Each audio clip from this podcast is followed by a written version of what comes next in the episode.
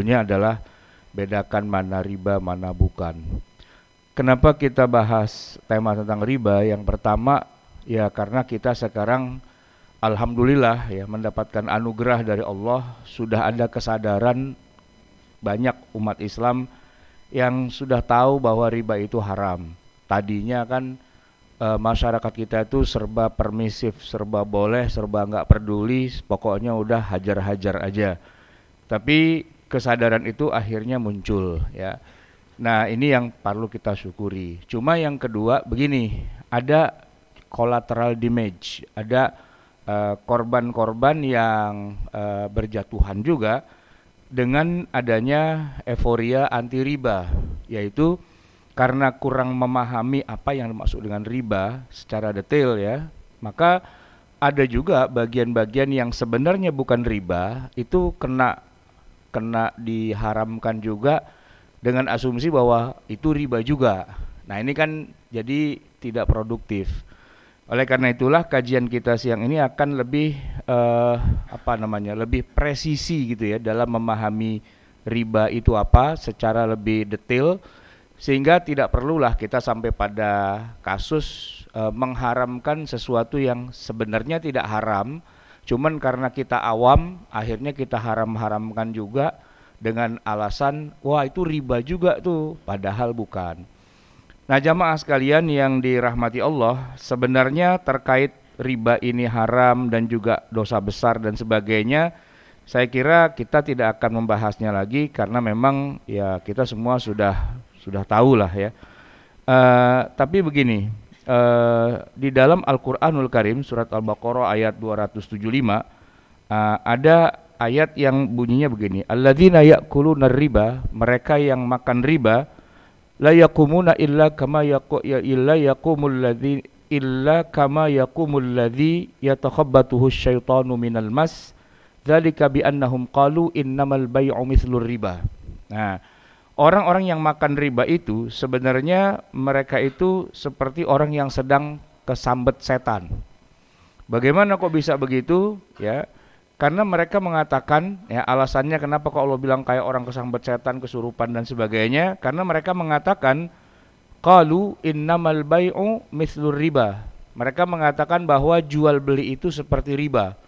Ini sebenarnya sebuah ungkapan yang uh, agak apa namanya agak uh, hiperbol begitu ya. Sebenarnya perkataan mereka bukan itu. Mereka mengatakannya innamal innamar riba mislul bay'.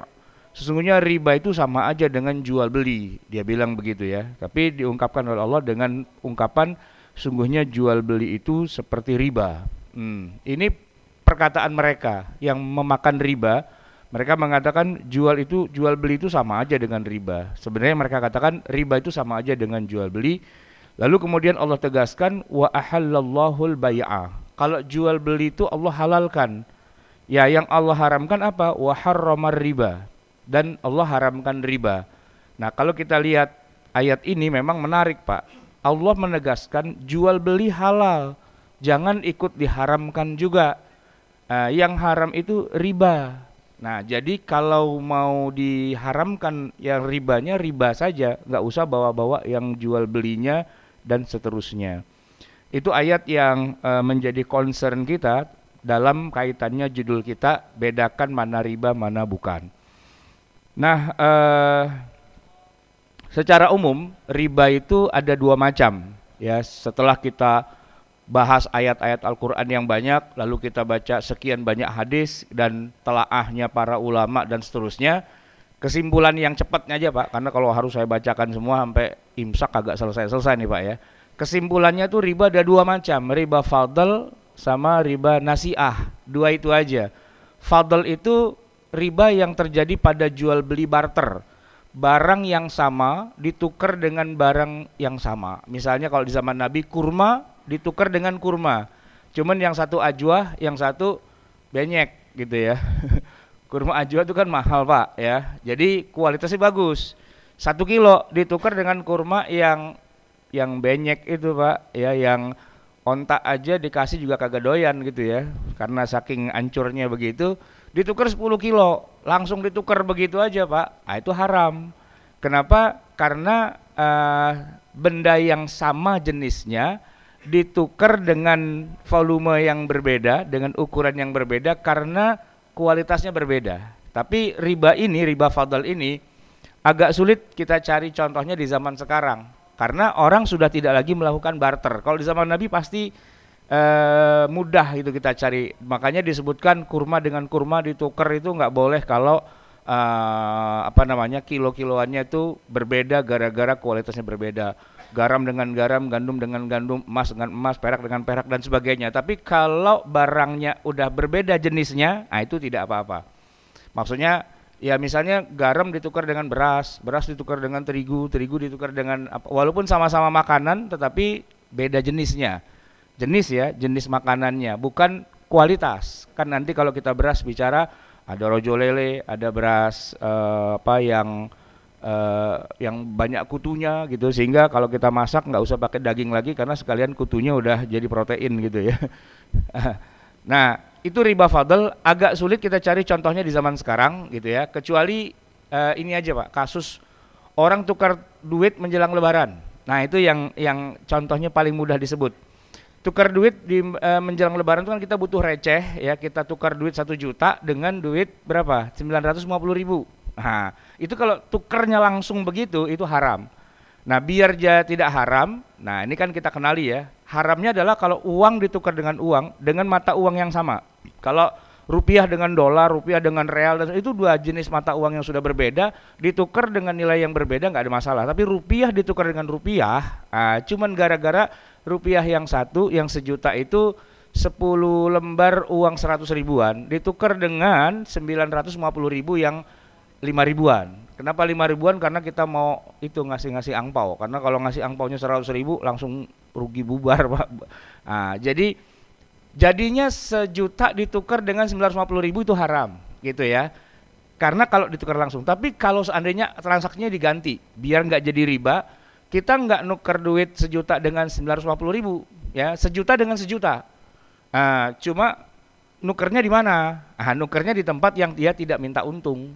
BI di Bank Indonesia. Jadi bapak ke sana bawa duit sejuta, ya pulangnya langsung bawa sejuta lagi, nggak ada masalah. Cuman masalahnya cuma satu aja, jauh, panas, macet, ogah, gitu kan. Tukang ojek, e, Mas, ini duit sejuta, berangkat ke sana ya, tukerin nih sejuta. Nah tukang ojeknya bilang, tapi saya butuh bensin, butuh motornya, butuh bensin, sayanya juga butuh makan, uh, macet dan sebagainya. Saya minta ongkos ya, ya sudah berapa? 50 ribu, deal.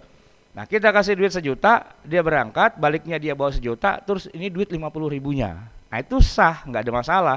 Karena sejuta ditukar dengan sejuta, yang 50 ribu adalah ongkosnya dia. Nah yang tidak boleh, tukang ojeknya tahu nih bakalan disuruh orang banyak begitu kan.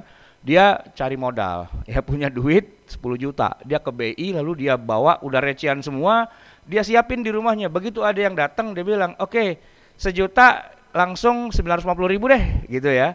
Langsung direct begitu pak. Nah itu haram.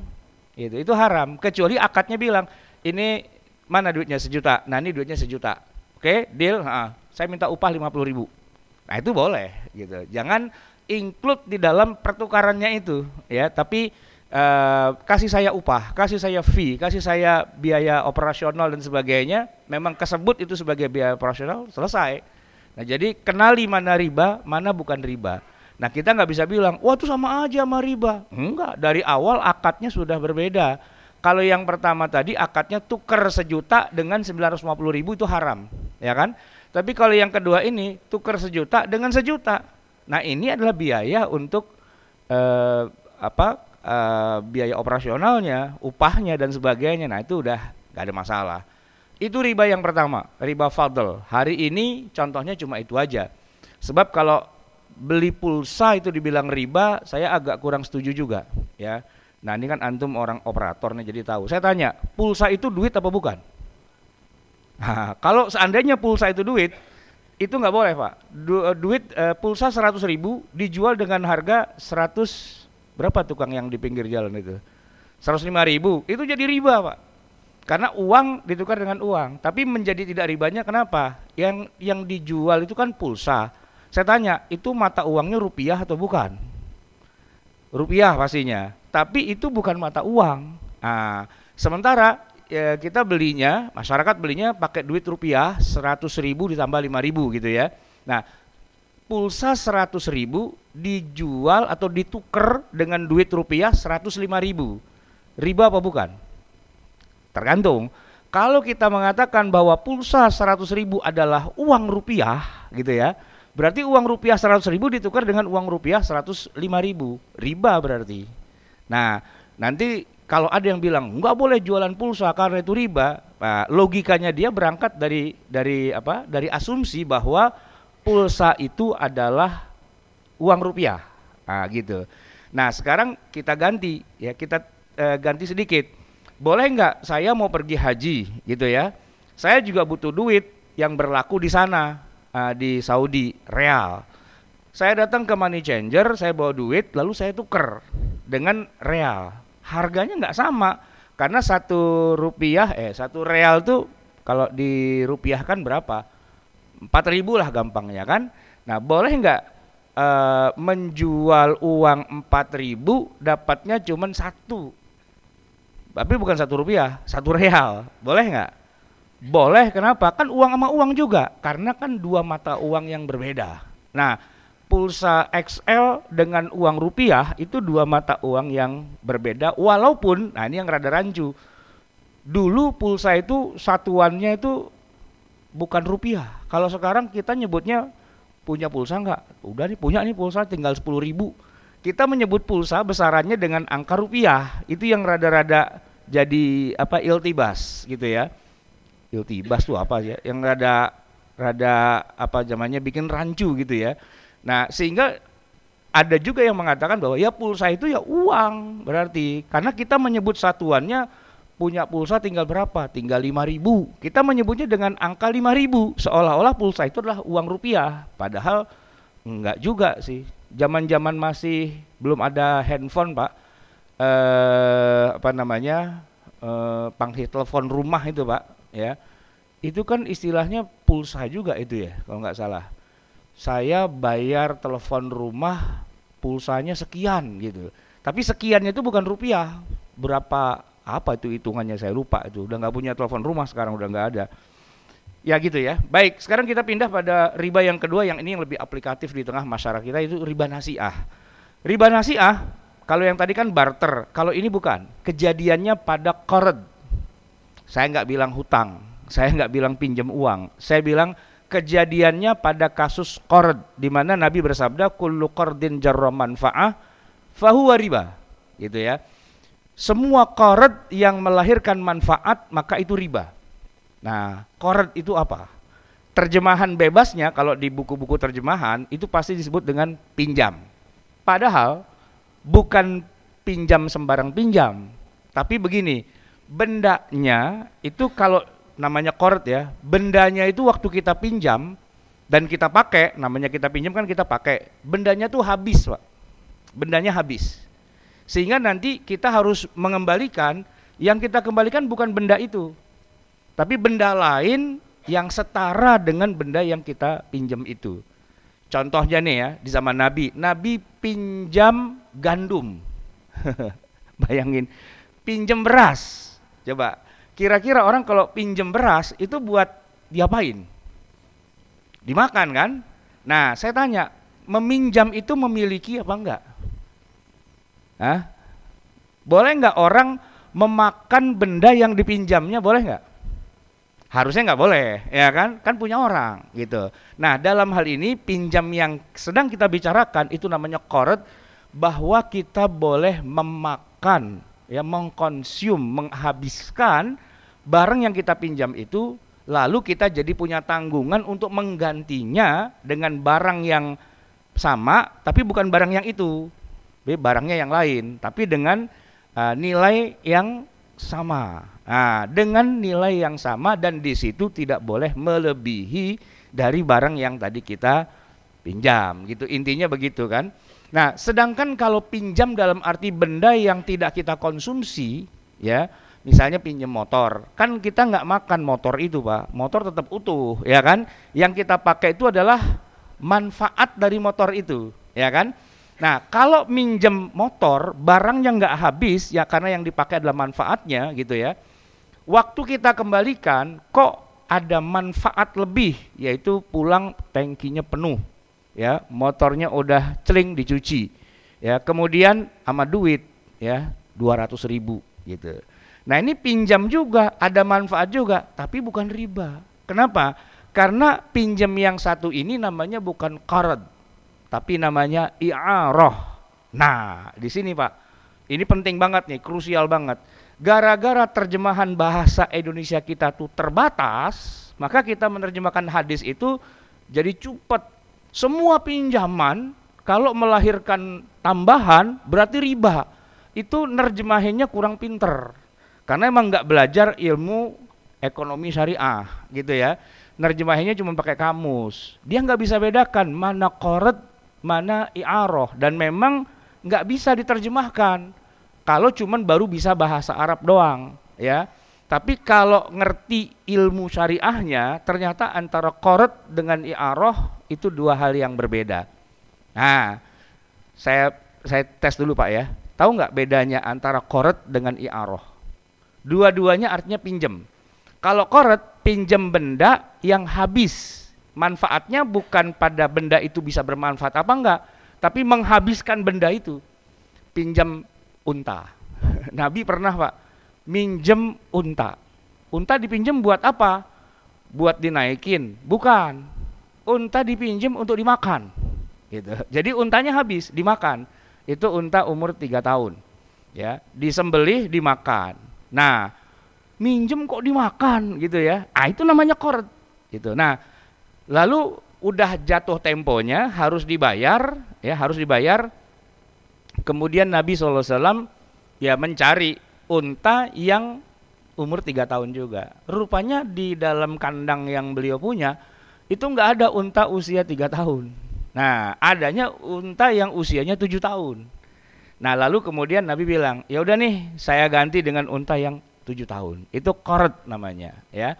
Nah dalam kenyataan kita sehari-hari di zaman kita sekarang, koret itu kebanyakannya bukan pada benda, tapi kebanyakannya pada uang, gitu. Maka saya lebih suka membuat definisi, walaupun ini kurang tepat banget, yang lebih gampang, yang namanya koret itu adalah pinjam uang, gitu loh pak ya bukan pinjam benda karena biasanya kalau kita pinjam benda bendanya nggak kita makan gitu loh jarang pak. Zaman sekarang nih pak. Ah saya mau ke warteg ah mau pinjam nasi. Nggak ada. Yang ada makan nasi bayarnya belakangan. Tapi itu bilangnya nggak pinjam nggak. Ya, itu namanya beli ngutang atau nilep atau nimpe. Terserah lah sebutannya apa gitu kan. Tapi kita nggak bilang pinjam nasi. Itu aneh. Cuman di zaman nabi nabi pinjam gandum. Nabi pinjem onta. Gandum dipinjem buat apa? Dipajang? Enggak, dimakan.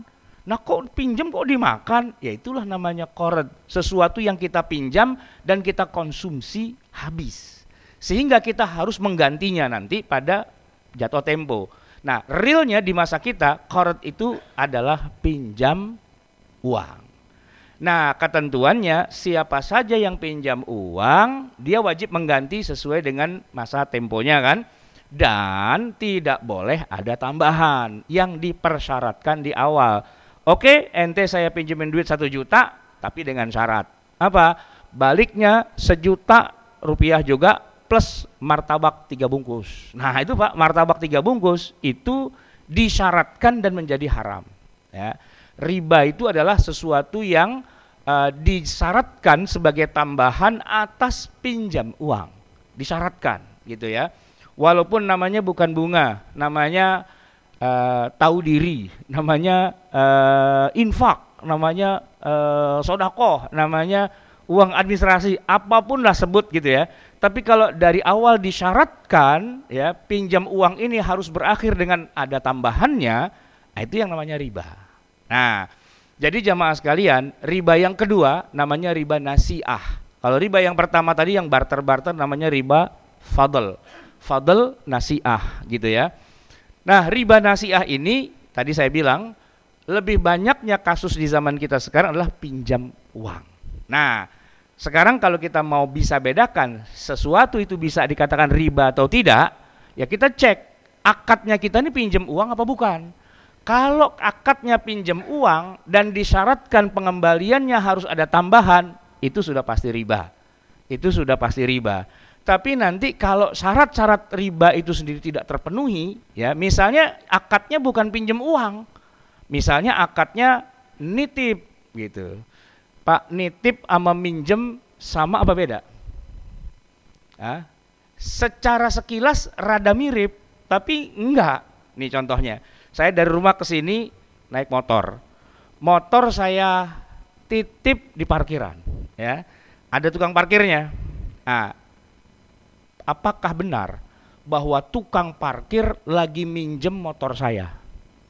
Enggak, enggak minjem, nitip. Beda kan? Beda. Ah gitu loh. Jadi sekarang begini, Pak. Kalau saya punya duit, saya titip sama antum. Ya, saya punya duit 10 juta, saya titip. Gitu loh. Ya kan? Bisa nggak disebut bahwa antum yang saya titipkan uang itu sedang berhutang uang sama saya? Bisa nggak? Enggak. Enggak, saya kagak ngutang, duit saya lebih banyak, ya kan? Cuman ente nitip aja kan? Namanya orang nitip itu nggak sama dengan orang ngutang, gitu loh. Nitip, contohnya nih Pak. Saya biasa ke mana-mana kalau jalan itu ngajak istri. Dan biasanya duit saya itu saya titip di dompet istri saya. Tapi itu duit saya, gitu kan? Jadi kalau saya makan di mana-mana, ya di mall, di restoran di mana, hampir saya tidak pernah bayar, gitu yang bayar istri saya gitu kan. Jadi istri saya itu bayar. Kenapa dia mau bayar? Ya karena dia tahu di dompetnya dia itu ada uang saya uang yang saya titipkan. Nah kira-kira statement berikut ini benar apa enggak? Bahwa istri saya berhutang uang pada saya. Enggak dia enggak ngutang gitu kan. Dia megangin duit saya. Kalau itu dianggap sebagai hutang ya istri saya lagi berhutang sama saya itu pak kalau sampai ya uh, dia ngasih sesuatu pada saya itu jadi haram pak. Gitu loh. Ya kan? Tolong siapin makan siang. Wah, itu kan jasa gitu kan? Tolong bikin minuman tolong belanja tolong tolong tolong tolong semua. Posisi dia ngutang sama saya karena saya titipin duit ke dia kan? Itu semua jadi haram hukumnya. Kalau ini dipaksa sebagai hutang Padahal bukan hutang. Kapan gue ngutang? Yang ada lu nitip di dompet saya. Gitu loh Pak. Jadi prinsip yang paling dasar itu adalah apakah ada akad hutang atau tidak. Ketika tidak ada akad hutang, ketika titip, ya berarti nggak ada urusan. Seandainya istri saya yang saya titipin duit, dia memberi saya sesuatu, ini ini riba, ini haram. Kenapa? Karena posisinya istri sedang berhutang, kok memberi sesuatu kepada yang memberi hutang? Enggak mas, ini bukan riba. Kenapa? Karena istri saya tidak berhutang uang pada saya. Lah itu uangnya sama dia. Saya nitip, saya tidak menghutangkan uang, gitu ya. Nah, itulah yang kemudian kenapa di bank syariah, di bank syariah, Bapak itu tiap bulan kalau naruh duit di bank syariah, itu kan dapat tambahan itu, ya. Kenapa kok itu enggak dianggap sebagai riba yang haram? Kenapa? Ya karena akadnya bukan bukan meminjamkan uang kepada bank syariah itu. Akadnya apa? Nabung. Nabung itu apa meminjamkan? Enggak. Enggak meminjamkan. Bukunya pun tertulis buku tabungan, bukan buku pinjaman. Enggak ada bank minjem duit kepada nasabah. Enggak kata bank, gua lebih kaya, ngapain gua minjem duit lu? Yang ada kamu sebagai nasabah Nah, narok duit nitip di saya, gitu kan? Nah, bahwa tiap bulan dikasih tambahan itu bukan bukan bunga, itu bukan riba, itu halal, kan begitu kan? Nah, jadilah kemudian kita menabung di bank syariah walaupun duit kita cuma sejuta, tiap bulan dikasih tambahan, tambahan, tambahan di luar dari duit yang kita tabungkan, itu tidak jadi haram. Kenapa? Ya karena itu bukan riba. Akadnya dari awal bukan pinjam uang gitu ya. Nah, begitu juga nanti dalam kasus misalnya begini Pak, ini, ini banyak nih kasus berikutnya. Uh, kartu kredit misalnya. Kartu kredit itu Pak bisa jadi riba, bisa jadi tidak riba, tergantung ya. Kalau namanya kita jadi pemegang kartu kredit ya, itu sebenarnya kan kita dapat kepercayaan dari pihak bank yang menerbitkan kartu boleh belanja apa terserah nanti dibayarin sama pihak banknya. Nah, sehingga akadnya yang terjadi adalah ya, saya pinjam duit sama bank, ya. Cuman nggak dalam bentuk duit, dalam bentuk uh, saya belanja. Belanja, kemudian bank memberikan saya uang pinjaman lalu saya bayar. Itu kasusnya seperti itu. Nah, akadnya ya, akadnya itu pinjam uang. Nah, dari dalam akad itu kita bedah klausulnya. Ketika ada bunyi klausul begini, nanti setelah sebulan dan jatuh tempo, Anda harus membayar utang Anda ya plus dengan tambahannya, dengan charge-nya. Nah, ketika itu yang terjadi, Pak, itu haram. Sepakat, pinjam duit disyaratkan pengembaliannya ada charge. Apalah sebut istilahnya interest lah atau charge atau apa namanya, mau infak, sodako dan sebagainya terserah. Sebut aja namanya apa, Eh, tapi yang jelas minjem duit 100 ribu atau minjem duit 5 juta setelah sebulan jatuh tempo kok bayarnya harus ada charge-nya. Ah itu namanya riba, itu haram gitu ya. Tapi ada klausul yang kedua, seandainya sudah ditagih dan sebelum jatuh tempo Anda sudah lunasi tanpa ada kena charge walaupun cuma satu rupiah, jadi geseknya 5 juta ya, kemudian ditagih langsung bayar 5 juta begitu sebelum jatuh tempo maka tidak ada bunga sama sekali. Itu tidak terjadi riba walaupun banknya bukan bank syariah. Ya, uh, nggak nggak penting pihak uh, lawan kita itu apakah dia syariah atau tidak syariah, muslim atau kafir, nggak ada urusan. Nabi Shallallahu Alaihi Wasallam itu bermuamalah dengan orang Yahudi, pinjam gandum, Haha, pinjam gandum pak. Itu Nabi wafat dalam posisi masih ngutang gandum kepada orang Yahudi. Tapi kan Nabi punya baju besi yang dijadikan sebagai uh, jaminan gitu ya. Nah itu Nabi ngutang gandumnya bukan kepada Abu Bakar, bukan kepada Umar, bukan kepada yang sesama sahabat Nabi, enggak. Minjem gandumnya sama orang Yahudi gitu ya. Kok boleh? Ya kalau masalah muamalah sih nggak penting siapa lawan muamalah kita. Yang penting muamalah di antara kita ini sesuai syariah apa tidak. Nah, melanggar ketentuan syariah atau tidak ada hal-hal yang dicederai dalam hukum-hukum syariah atau tidak? Kalau tidak, ya sudah selesai. Ketika Nabi pinjam gandum, itu kesepakatannya pinjam gandum 10 kilo, balik 10 kilo, selesai. Kagak ada urusan gitu ya, mau Yahudi mau enggak. Nah, muamalah kita dengan siapa pun, ya mau dia orang Islam, mau dia orang kafir, mau dia bank syariah atau bank tidak syariah, itu yang lebih utama itu adalah akadnya itu melanggar ketentuan syariah apa enggak? Akadnya. Kalau akadnya dia bilang silakan saya kasih pinjam bapak eh, uh, 10 juta ya. Yang penting sebelum jatuh tempo bapak sudah bayar 10 juta juga. Kita nggak kena in charge. Ya berarti itu tidak riba. Ya walaupun merek banknya tidak ada merek uh, syariahnya. Nah, yang menentukan halal tidak halalnya bukan karena ada merek atau tidak ada mereknya, tapi nah ini ini sesuai dengan ketentuan syariah atau tidak. Karena nanti boleh jadi di kasus tertentu, kasus tertentu ya, sudah ada merek syariahnya, tapi malah ada prinsip syariahnya malah yang terlanggar. Itu mungkin saja terjadi kan. Nggak mentang-mentang orang udah pergi haji, lantas kemudian tidak pernah berdosa, ya bisa aja berdosa. Dan tidak mentang-mentang orang belum pernah pergi haji, berarti dosa melulu, yang enggak juga. Haji dengan tidak haji itu ya bedanya adalah biasanya umumnya kalau orang udah haji ya udah lebih alim lah gitu ya. Mestinya mestinya. Tapi yang udah haji berkali-kali tapi masih korupsi juga ya banyak juga. Nggak nggak mentang-mentang udah haji lantas berarti alim terus terusnya nggak juga.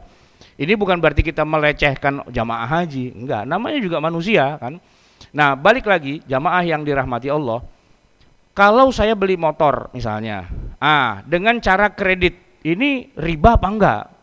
Bisa riba bisa tidak? Tergantung akadnya akad riba apa enggak?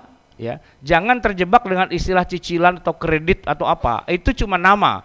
Nah, yang penting bukan namanya yang penting akadnya yang terjadi gimana? Begini motor harganya 15 juta saya mau beli motor itu nggak punya duit ya kan maka saya datang kepada pihak ketiga ya pihak ketiga itu sebutlah misalnya uh, leasing atau apa bank atau apalah begitu ya saya bilang kepada pihak ketiga uh, pinjam duit dong 15 juta mau beli motor noh gitu kan Lalu saya dikasih pinjam duit 15 juta dengan ketentuan balikinnya tiga tahun. Cuma, ah, ada cumanya. Balikinnya itu harus ada lebihnya. Iyalah, harus ada lebihnya. Pinjam 15, masa kembali 15. Lah si bank untung dari mana? Justru dia bisnisnya, core bisnisnya adalah menyewakan uang. Saya pinjam 15, ntar kembalinya tuh secara total bisa jadi 20 juta. Di situ itu riba. Itu haram. Karena akadnya pinjam uang, nah, akadnya koret yang ada manfaat. Nah, itu haram dari awal. Sepakat, udah nggak ada masalah. Cuma, nah, kalau akadnya dibalik, diganti, bukan pinjam uang. Saya datang kepada bank, saya bilang, "Bang, saya pengen beli motor, nggak punya duit. Gimana kalau misalnya Anda beli motor itu? Motor yang itu ya, yang mau yang saya mau tuh yang itu. Itu harganya 15. Beli lalu jual ke saya. Jual ambil margin, ambil keuntungan. Berapa? Ambillah misalnya 5 juta gitu kan, sehingga harga 15 dijual e, dengan tambahan 5 juta, jadi ke saya 20 juta. Oke, deal. Saya beli motor dari Anda, bukan dari dealer, dari Anda. Karena Anda sudah beli dari dealer, uh, showroom, lalu Anda jual ke saya, Anda ambil untung 5 juta, berarti jualnya ke saya dengan harga 20 juta. Akadnya pinjam duit apa bukan? Bukan. Akadnya adalah jual beli. Nah, di situ. Wa ahallallahu al-bai'a wa harramar riba. Allah menghalalkan jual beli dan mengharamkan riba. Tapi tadi kan begini, mau beli motor 15 juta, itu aja duitnya kagak ada. Apalagi beli motor 20 juta, lebih nggak ada lagi duitnya. Nah, dibikin pembayaran secara berjangka. Saya bayar sejuta sebulan. Jadi dalam waktu 20 bulan itu akan terkumpul 20 juta. Nah, itu Pak, tidak ada kaitannya dengan pinjam uang. Nah, riba syaratnya harus pinjam uang. Kalau nggak pinjam uang, di luar itu maka bukan riba. Harus dibedakan mana riba dan mana bukan riba. Akadnya. Nah, di situ penting banget akad itu menentukan halal atau haramnya. Jangan terjebak dengan istilah kredit, jangan terjebak dengan istilah cicilan, bukan. Karena namanya kredit atau cicilan kalau tidak ada kaitannya dengan uh, pertambahan pembayaran atas hutang uang, nah itu nggak ada masalah gitu. Itu yang harus kita ketahui. Sehingga jamaah yang dirahmati Allah, ini saya boleh bikin perbandingan-perbandingan dengan kasus-kasus di luar masalah riba. Saya kasih contoh begini, Pak. Uh, ada orang beli uh, rumah, rumahnya rumah yang sudah dipakai, ya rumah second gitu maksudnya, sudah pernah ada penghuninya, lalu kita beli, orangnya mungkin mau pindah ke mana gitu ya. Memang di dalam rumah itu boleh jadi ada benda-benda yang najis lah gitu. Kan namanya rumah tuh pak pasti ada WC-nya, ya kan? Dan WC itu pasti ada saluran pembuangan. Saluran pembuangannya ke mana? septic tank gitu kan dan namanya rumah udah dipakai pasti pasti septic tank itu ada isinya gitu. Pasti ada isinya. Nah jamaah sekalian apa hukumnya membeli rumah yang sudah pernah dipakai orang dan septic tanknya ada isinya? Itu halal apa haram? Hmm? ya kalau yang dilihat hanya isi septic tank itu haram ya. Haram berjual beli apa? Isi septic tank itu haram gitu loh itu haram jelas ya nggak boleh. Uh, najis ya kan? Nggak boleh. Tapi kalau kita bahasakan enggak saya beli rumah ya dan kebetulan rumah ada kamar mandinya dan kamar mandi ada septic tanknya dan septic tank ada isinya. Tapi saya tidak membeli isinya saya membeli semuanya gitu kan? Sah apa enggak sah. Kartu kredit itu gitu juga pak. Gitu loh anda kalau menyetujui kartu kredit yang non non syariah, berarti kan Anda sudah menyetujui akan terjadi riba. Iya, emang menyetujui, tapi saya tidak akan melakukan itu. Saya tidak akan masuk ke situ. Dalam arti anda kalau beli rumah kan ada septic tanknya, berarti Anda akan berenang di dalam septic tank. Yang enggak juga mas, gitu loh. Enggak ujuk-ujuk disamain. Saya butuh rumahnya, gitu kan. Nah, tapi saya tidak akan menggunakan septic tank untuk ya makan minum dan enggak, itu bukan sumber makanan, itu tempat najis memang gitu ya. Nah, oleh karena itu begini juga Pak. Ini saya kasih contoh yang agak mirip juga. Mau kurban, kan kita beli sapi, ya kan? Saya tanya, sapinya itu ada isi perutnya nggak? Ada. Kalau udah nggak ada isi perutnya, itu bukan sapi hidup, sapi mati, udah disembelih. Nah, sapinya masih hidup pasti ada ususnya, pasti ada ada kotorannya di dalam. Bisa nggak kita katakan bahwa, wah itu haram beli sapi, kenapa? Karena di dalamnya ada kotorannya. Ya enggak, kotoran tuh pak, itu include yang kita sebut bukan kotoran. Kalau jual beli kotoran, nah itu haram. Tapi kalau jual beli sapi, ya sapinya mau nggak mau dia mengandung kotoran Bahkan bukan cuma kotoran, ada darahnya, ya kan? Nah, bisa nggak kita beli sapi tanpa darah? Ya nggak bisa, darahnya uh, kalau mau itu sapi mati, bukan sapi yang masih hidup kan? Nah itu sah, boleh dalam arti kalau dia include di situ kan tidak jadi masalah. Artinya kita harus bisa bedakan mana yang benar-benar ini melanggar ketentuan syariah, itu yang harus kita hindari dengan cara frekuensinya kita ganti. Ya, kalau tadi misalnya karena pinjam uang, ya kita ganti aja jangan pinjam uang berarti dengan cara yang lain akadnya mudoroba, murobahah dan sebagainya menghindar dari riba. Nah cuma kita tidak bisa menghindar dari riba kalau kita nggak kuasai banget riba itu apa, di mana batasnya, ya spesifikasi dari riba itu apa aja. Nah syaratnya ya kita harus ketahui dulu masuk riba itu yang mana. Nah kalau kita nggak menguasai tentang apa itu riba dan batasannya, Nah, kita akhirnya jadi agak meradang begitu, apa namanya, gamang ya, nah, sehingga sedikit-sedikit riba, sedikit-sedikit haram, sedikit-sedikit tidak boleh. Kenapa? Ada ribanya. Padahal bukan begitu. Bisa jadi, ya bisa jadi nih Pak, sebuah transaksi itu emang haram, bisa jadi. Tapi ilat keharamannya belum tentu karena riba. Tetap haram, tapi bukan karena riba. Gitu. Kemarin ada yang nanya ke saya begini, Ustadz, saya dengan teman-teman itu sempat kemarin makan di Muara Angke, tempat makan ikan gitu. Saya kira harganya cuma 700 ribu. Ternyata begitu selesai makan mau bayar, harganya sejuta tujuh ratus ribu gitu. Nah pertanyaannya dia begini, itu riba apa enggak Ustadz gitu loh. Saya bilang, Bapak minjem duit?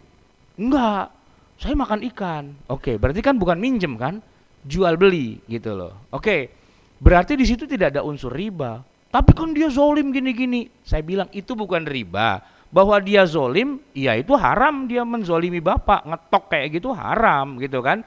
Tapi jangan disebut itu riba. Karena nggak masuk dalam kategori riba. Itu kategorinya namanya jahalah, zolem, ya kan wala ta'kulu amwalan nasi bil batil. Nah, janganlah makan harta orang lain dengan cara yang batil. Itu haram, tapi namanya bukan bukan riba. Jangan kosakata kita jadi sempit, apa-apa yang haram namanya riba, gitu kan? Ini kadang-kadang lucu, Pak. Ya, ada orang tuh ya, serempetan sama bajai, gitu kan? Tukang bajai diterakin, "Woi, tukang bajai, riba loh." Gitu kan? Tukang bajai bingung, riba apaan? Serempetan iya, tapi kalau riba bukan, nggak ada kaitannya. Sama dengan orang jual kosmetik, Pak. Ini karena lagi hijrah, lagi semangat, semua harus yang halal, kan makan harus halal, ada label halal dan sebagainya. Itu bedak, Pak, dikasih. Bedak kami ini bedak halal katanya. Biasanya halal itu, Pak ya, makanan halal dimakan, minuman halal diminum. Kalau bedak, Pak, halal itu diapain? dimakan? Ya bukan. Mungkin, mungkin maksudnya dia tuh bedaknya ini suci, tidak najis, gitu kan? Cuman dia nggak punya kosakata, akhirnya dia pakai aja halal. Itu kalau orang Arab Saudi pak dibilang halal, dimakan sama dia, gitu kan? Coba aja kalau nggak percaya ke pasar korma, gitu kan? Kita bilang halal, halal, halal, halal makan kan gitu. Nah bedak pak halal, halal dimakan gitu lah. Jadi bukan halal istilahnya istilahnya suci dari najis, mungkin tidak mengandung alkohol gitu ya.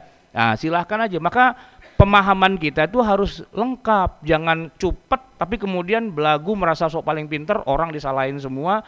Ah, kita malah kelihatan kagak ngertinya pada akhirnya gitu ya. Maka jangan sedikit-sedikit bilang riba. Kalau memang riba ya dan haram, ya analisanya mana? Ah gitu. Kita bedah dulu pakai pisau analisa yang tajam. Oh, ini begini memang masuk riba nih. Tapi kalau begini, walaupun haram, tapi tidak ada kaitannya dengan riba. Haramnya dari apa? Nah, keharaman transaksi itu salah satunya riba. Yang lain masih banyak, ada doror, ada goror, ada jahalah dan sebagainya. Itu masih banyak babnya. Cuman karena emang baru level 1, pelajarin baru riba doang, apa-apa semua yang nggak dia suka riba, riba, riba, riba, riba. Ah gitu.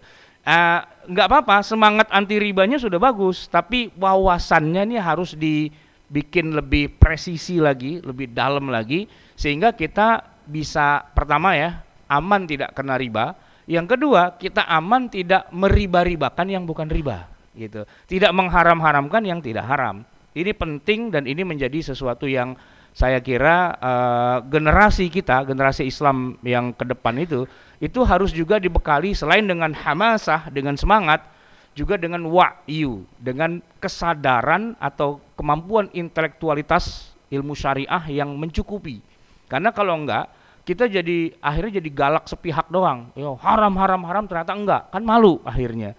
Nah, ini yang perlu kita pikirkan dari sekarang ya, bagaimana memperkuat fundamen uh, kekuatan keilmuan, ya, ilmu-ilmu syariah. Ini bekal karena ke depannya kita mau menegakkan syariat, mau menegakkan hukum agama dan sebagainya itu basicnya harus berangkat dari kafaah syariah yang mumpuni, bukan cuma sekedar semangat doang satu sisi gitu ya. Baik jamaah sekalian, waktu kita tinggal sedikit, masih ada sampai jam berapa kita? Satu ya. Mungkin ada pertanyaan silakan.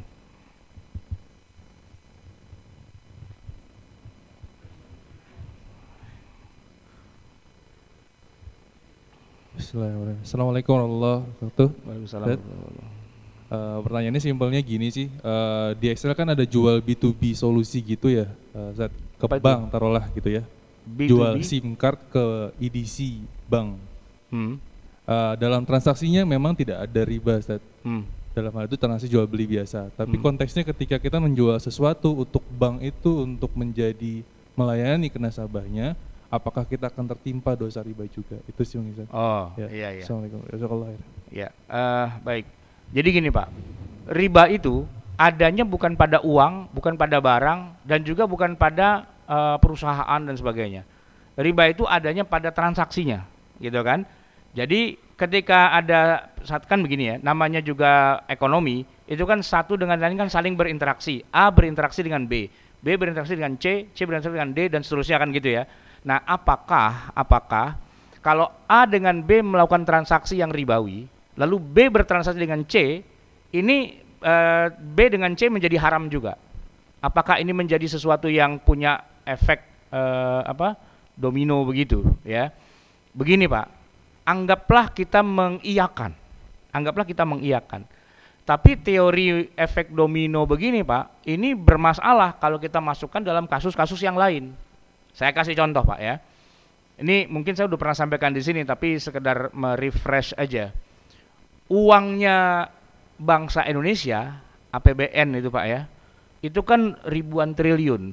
Kalau nggak salah ingat itu sekitar 3000 triliun ya, duitnya bangsa Indonesia, APBN. Itu kan tidak disimpan di bawah kasur, di bawah bantal Pak, ya. Disimpannya di mana? Bank gitu loh, ya kan? Banknya syariah apa bukan? Bukan, nggak ada bank syariah mampu menyimpan uang sampai 3, 3000 triliun. Bank yang bukan syariah, Berarti kan ada bunga pastinya, didepositokan bahkan ya. Nah, ada depositonya uh, masuk lagi ke uang itu. Jadi kan uang itu pasti ketambahan-ketambahan dengan bunga. Oke? Okay? Nah, teori tadi domino tadi efek domino itu kan begini. Uang itu kemudian dibelanjakan oleh negara kita, macam-macam. Salah satunya yang paling besar itu untuk belanjanya pegawai negeri PNS, ya kan? PNS kita tuh jumlahnya sekitar 4,7 juta kalau nggak update terakhir kira-kira gitu ya nggak tahu mungkin yang terakhirnya update sudah bertambah gitu 4,7 juta PNS itu menerima gaji itu dari APBN saya tanya yang mereka terima itu haram apa enggak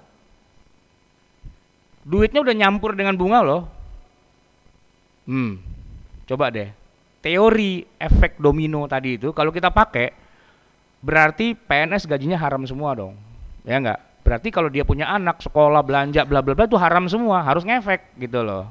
Nah, itu sekitar berapa? 80% ya buat gaji-gaji. 20% buat negara membangun bikin sekolah, bikin jalanan, bikin ah segala macam itu semua. Wah itu haram semua pak. Kenapa? Dibangun dengan uang yang kecampuran bunga, gitu loh.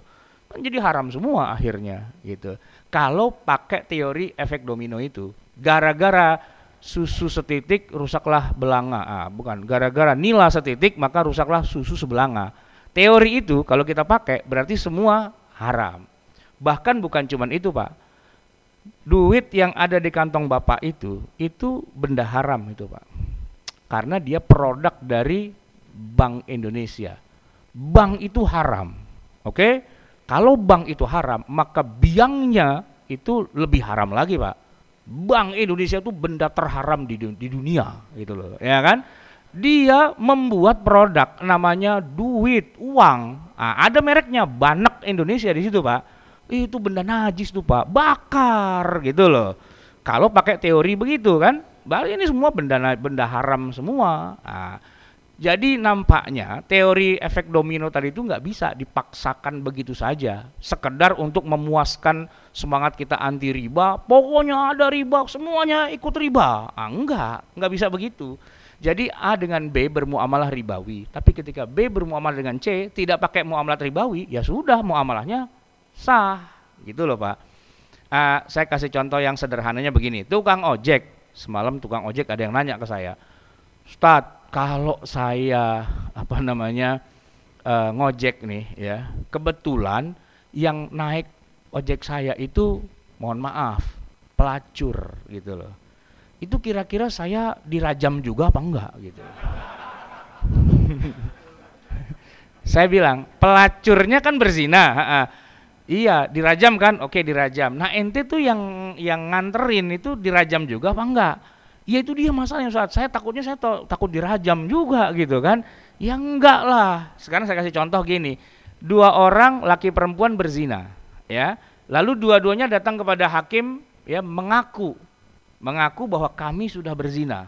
Lalu hakimnya menggertak, "Eh, dosa zina itu enggak sembarangan loh." Apa? Dilemparin batu sampai mati. Itu.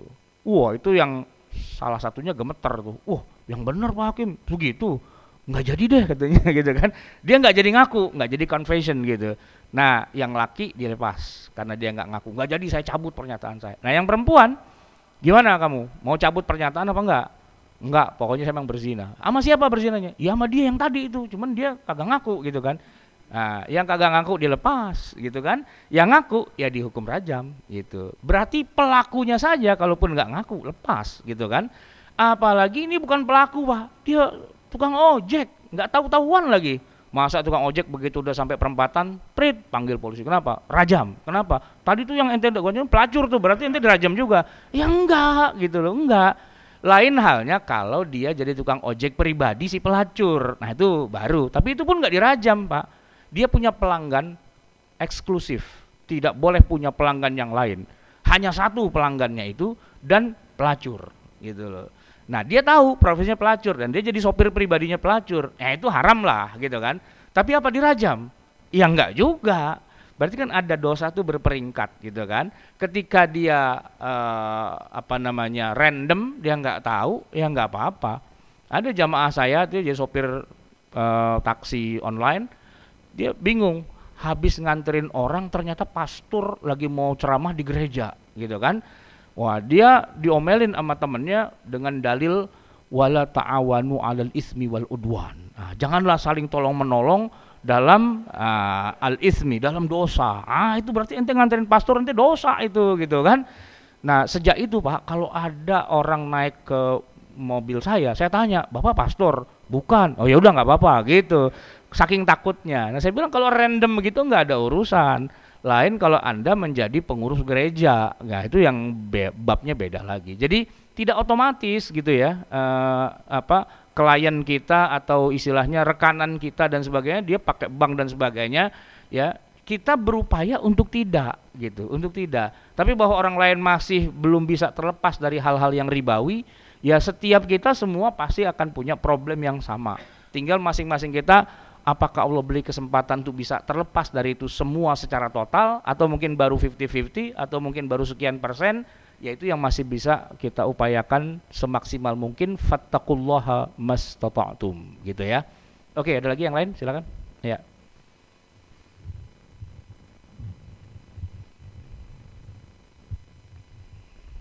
Assalamualaikum Ustaz. Waalaikumsalam. Uh, kalau tadi kan uh, saya mau nanya, kalau yang tadi kan contoh-contoh Ustaz adalah uh, gimana posisinya dia sebagai pembeli apa peminjam gitu kan. Kalau ini misalnya saya bikin barang, saya uh, bikin barang untuk dijual, terus produk yang saya bikin tuh misalnya harganya lumayan agak tinggi gitu, mahal harganya.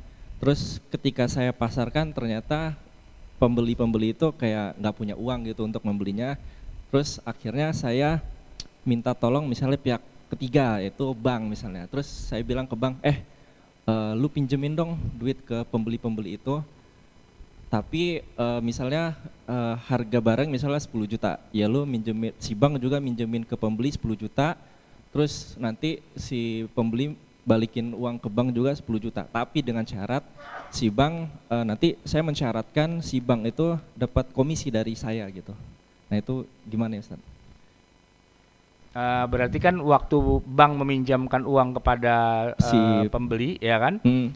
Pinjam berapa tadi 10 juta, 10 juta. Kembalinya tetap 10 juta. Tetap 10 juta. Tapi ah. di awal saya bilang ke bank, "Eh, lu pinjemin ke pembeli itu yeah. duit 10 juta ya." Yeah. Tapi dia juga harus balikin 10 juta. Nah, tapi lu ntar dapat uh, apa? komisi Fee, yeah. dari gue gitu. Yeah. Nah, kalau komisinya dari yang pinjam itu jadi haram, itu jadi riba, yeah. ya kan? Hmm. Tapi kalau komisi dari pihak yang lain Nah, itu sudah nggak ada masalah gitu. Maka riba itu sebenarnya ribet banget. Dia baru bisa dibilang riba kalau connect semua baru riba. Tapi begitu ada satu partikel, ada satu komponen yang kita cabut, cet, itu nggak jadi riba. Otomatis dia jadi hilang keribaannya. Contoh ya, ini saya, saya contoh gini. Uh, orang kalau bayar jatuh tempo harusnya bayar kok dia nggak bisa bayar, itu kan kena charge kalau di bank konvensional di bank syariah itu juga kena charge, tapi halal. Gimana kok jadi halal? Dia kena charge, kena denda gitu, tapi halal.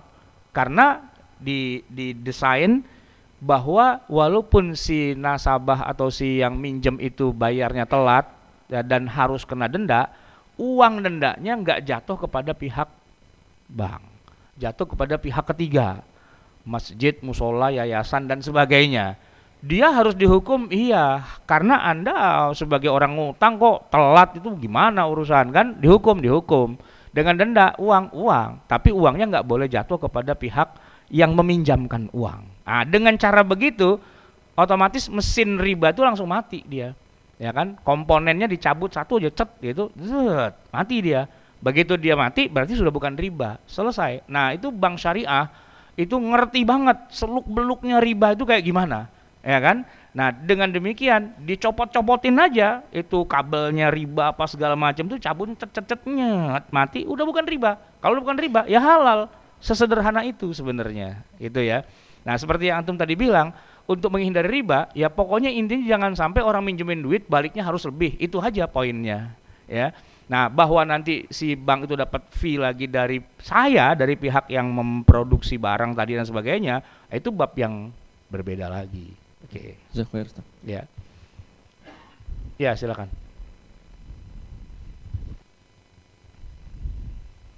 Assalamualaikum Ustaz. Waalaikumsalam warahmatullah. Uh, jadi misalkan gini ada ada pihak A dia dapat project di salah satu perusahaan gitu. Dia tapi nggak punya uang, hmm. maksudnya untuk ngerjain itu. Modal ya. Terus dia cari temen yang lu mau biayain nggak? Iya tapi saya udah dapat udah pasti dapat keuntungan misalkan 20% iya nah supaya bisa ngerjain project ini mm -hmm. nanti kamu yang membiayain yeah. dapat bagi dua deh yeah. yang 10% 20% tadi dari kamu 10 persennya atau mm. itu hitungannya riba atau gimana ya Ustaz? Bisa riba bisa tidak tergantung. Kalau ngitungnya adalah eh e, benamkan duitmu di sini ya. Ini ada proyek nih saya butuh 100 juta. Pokoknya nanti kembalinya adalah e, eh, 100 juta plus tambahannya. 100 juta plus tambahannya. Nah itu kalau akadnya begitu itu riba, haram. Nah yang nggak haram gimana? Investasikan di sini, nanti kan ada keuntungan. Nah dari keuntungannya itulah kita share, kita bagi. Kalau kesepakatan membagi keuntungannya itu dari keuntungan, ya membagi sharingnya kepada yang ngasih duit itu adalah dari untungnya, itu nggak masalah. Yang nggak boleh itu adalah memberi kepada yang meminjamkan itu dari nilai investasinya. Nah, itu haram, gitu. Dari nilai investasinya. Investasi kan duitmu 100 juta, pokoknya tenang aja, di total dikembalikan 100 juta plus dengan uh, 20 juta. Jadi jadi 120 juta. Anda akan untung 20 juta loh, gitu kan? Itu kalau dari awal hitungannya begitu haram. Itu itu riba, gitu loh. Nah, sekarang yang nggak riba gimana? Gini ya, kalau Anda investasikan di sini duit 100 juta, ini bisnis ini akan meledak nih. Istilahnya keuntungannya akan jadi sekian sekian sekian total. Marginnya akan jadi besar. Mungkin dengan modal 100 juta kita akan jadi punya duit 200 juta. Berarti keuntungannya 100 juta. Oke? Nah yang 100 juta inilah keuntungannya yang akan kita belah dua. 50-50 misalnya gitu kan? Ya udah. Tapi itu kan masih asumsi ya kan? Masih asumsi. Bisa jadi meleset. Bisa jadi. Nah karena ada kemungkinan bisa jadi meleset itulah itu yang namanya murabahah atau mudorobah ya. Uh, resiko ditanggung berdua keuntungan pun ditanggung berdua juga. Jadi akadnya waktu dia invest ke saya 100 juta itu akadnya bukan pinjam bukan qard gitu. Akadnya apa? Mudorobah akadnya murabahah tergantung dan bukan qard itu itulah yang dilakukan oleh Rasulullah SAW dengan Khadijah. Ya sama persis. Rasulullah itu kan pedagang, pinterlah dia. Cari barang yang murah, jual yang mahal, tahu Khadijah punya duit. Biasanya para pedagang itu akan datang ke orang-orang kayak Khadijah itu pinjam duit dong sekian, pokoknya tenang dah ya. Begitu udah sekian bulan balikin sekian persen dari nilai investasi Anda. Itu selamanya selama yang terjadi begitu. Tapi begitu Rasulullah ketemu Khadijah, dia nggak bilang pinjam, enggak. Saya mau ngajak Anda berdua mengurus bareng-bareng uh, bisnis ini. Jadi dia buka dapurnya, dia presentasi dan sebagainya. Lalu Khadijah bilang, ini jadi ente nggak pinjam duit? Enggak. Saya ngajak Anda ikut membiayai ini, gitu loh. Terus nanti eh, ini karena usaha kita berdua, ya saya buka aja semua cash flow-nya, gitu kan. Nah, berapa modal, berapa keuntungan, itu kan ketahuan. Nah, hasilnya itu yang akan saya share kepada Anda, gitu. Khadijah agak puyeng-puyeng juga, tapi melihat angkanya boleh juga nih, gitu kan benar dan ternyata berhasil gitu kan. Nah gara-gara itulah akhirnya mereka jadi menikah gitu. Cakep nih begini. Iya karena memberikan keuntungan lebih besar kepada Khadijah sebenarnya. Dan ikut dianggap sebagai uh, apa uh, partner dalam bisnis itu. Bukan sekedar dipinjam duitnya bukan gitu. Jadi Khadijah tidak berlaku sebagai bank tapi sebagai yang ikut juga membiayai uh, ini semua dan dapat bagi hasil yang yang lumayan gitu. Cukup Hah, cukup ya? Ya, ini kalau mau ditulisin sampai asar juga nggak selesai ya. Baik, ya nanti kalau mau habis ini kita tutup dulu, uh, kita bisa ngobrol di sini ya. Kita tutup sama-sama dengan bacaan hamdalah, alhamdulillah rabbil alamin, subhanakallahumma bihamdika, nasyhadu an la ilaha illa anta nastaghfiruka wa natubu ilaik. Assalamualaikum warahmatullahi wabarakatuh. Waalaikumsalam warahmatullahi wabarakatuh.